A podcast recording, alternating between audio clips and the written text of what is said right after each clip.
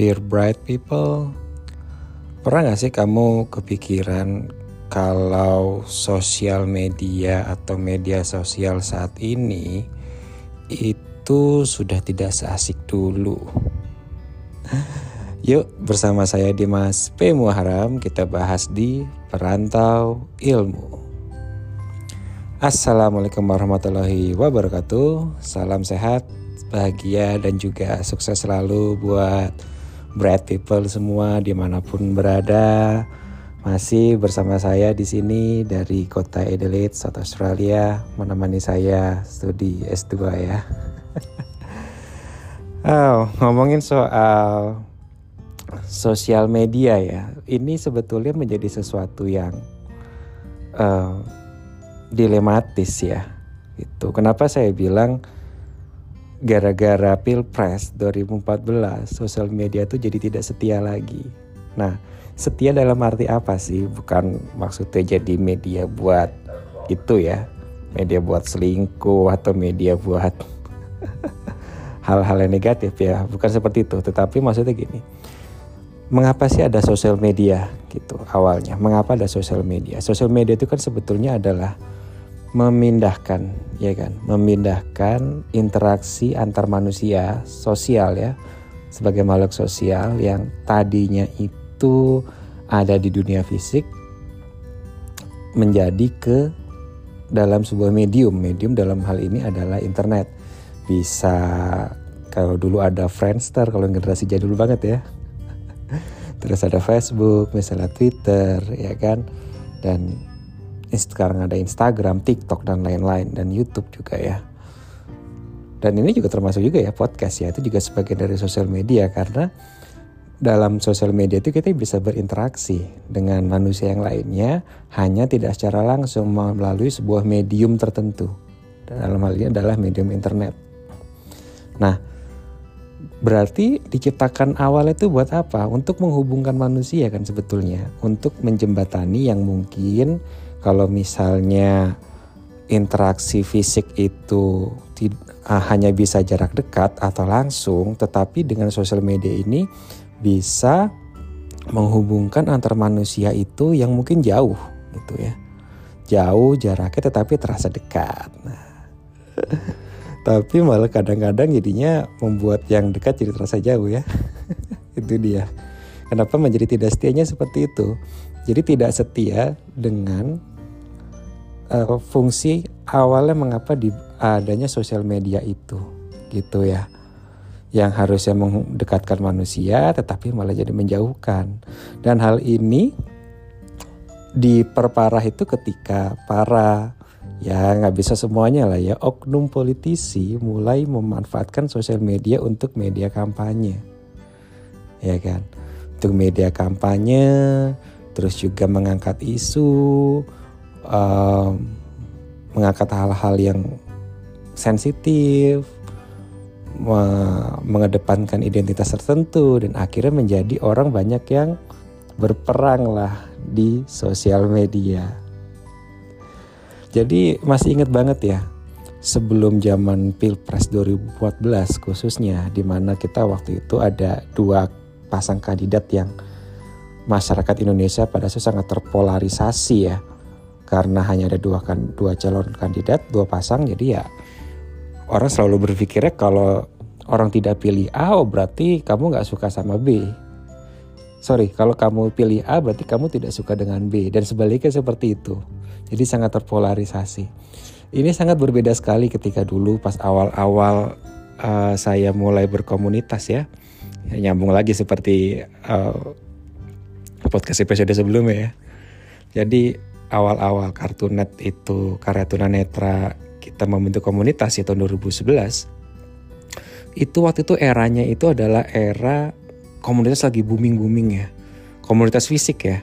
Komunitas fisik itu sangat booming-booming. Ya. sering banget ada event-event komunitas terus juga waktu itu komunitas blogger komunitas ya sosial media waktu itu belum WA tuh belum terlalu ini banget waktu itu. WhatsApp tuh belum terlalu booming atau belum ada kayaknya ya belum kayaknya ya jadi masih orang masih aktif di grup Facebook, terus masih pakai mailing list. Nah mungkin banyak teman-teman yang baru nggak tahu nih mailing list apa ya mailing mailing list itu kayak grup tapi pakai email.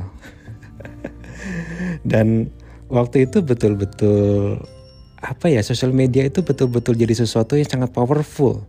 Powerfulnya apa? Karena tadi bisa untuk media berjejaring. Waktu itu saya kenal kenal banyak sekali orang, banyak teman-teman yang baik-baik dan um, apa punya tujuan sosial yang yang luar biasa juga tuh dari sosial media. Kita banyak punya jejaring, punya koneksi melalui sosial media.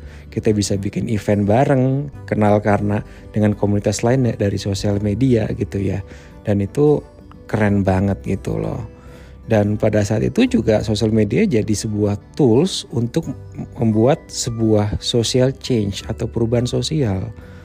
Sering lah ya kayak misalnya dulu ada kasusnya Prita Mulyasari yang apa mendapatkan perlakuan yang kurang menyenangkan dari sebuah rumah sakit itu kan itu waktu itu di dapat dukungan yang luar biasa dari sosial media media dan bisa mengubah satu kebijakan lalu atau ada banyak kasus lah ya, banyak hal-hal isu-isu yang dengan membuat sebuah tagar, dengan membuat uh, sebuah apa ya um, kampanye itu bisa mengubah mengubah situasi yang tadinya susah didobrak menjadi bisa didobrak tapi in positive way.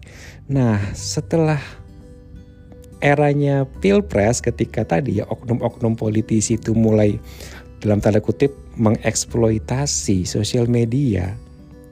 Sosial media itu jadi tidak setia lagi dengan kodrat awalnya.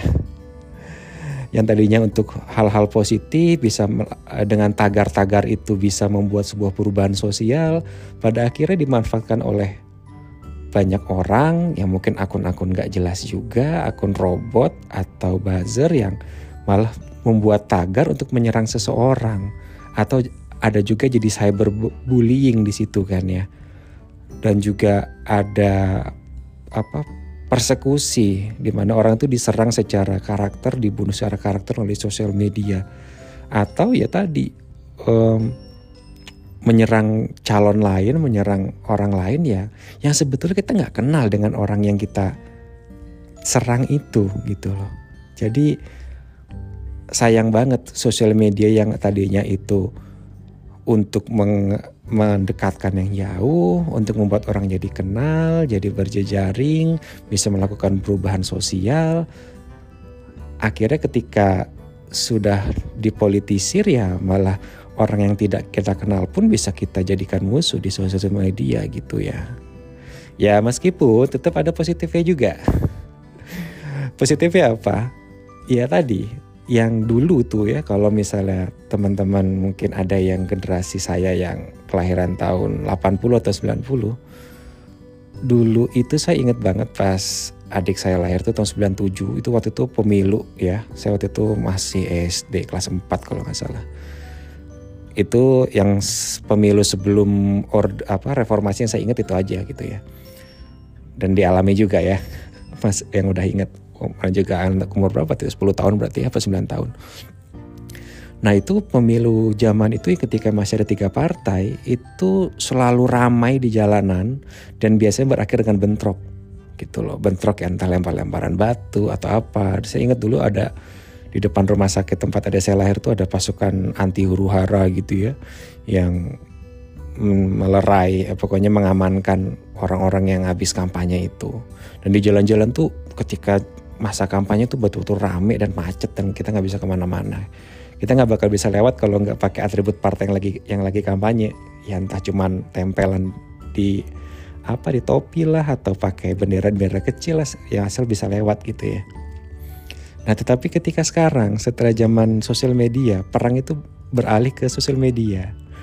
Orang yang tadinya konflik itu ada di dunia nyata berpindah ke sosial media. Ya positif itu aja sih jadinya tidak ada bentrokan fisik tapi tetap yang kalau pada baperan ya akhirnya juga bisa konflik juga ya.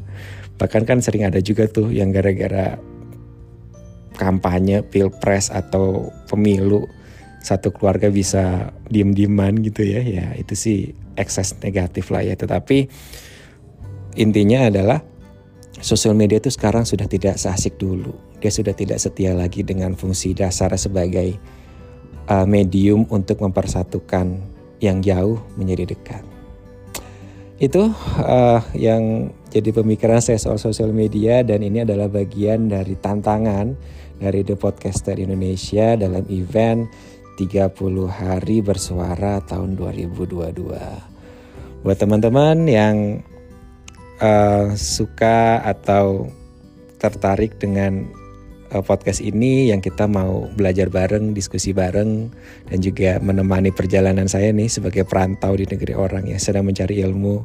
Silakan dong boleh di-subscribe atau di-follow uh, podcast Perantau Ilmu bisa dicari Perantau Ilmu baik di Spotify, Apple Podcast, uh, Google Podcast, di Anchor atau platform-platform lain yang sering kamu pakai untuk mendengarkan podcast ya.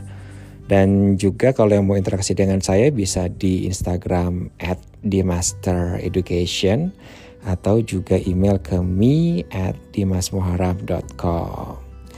Oke, okay, thank you, bread people. Dimas is signing out and see ya.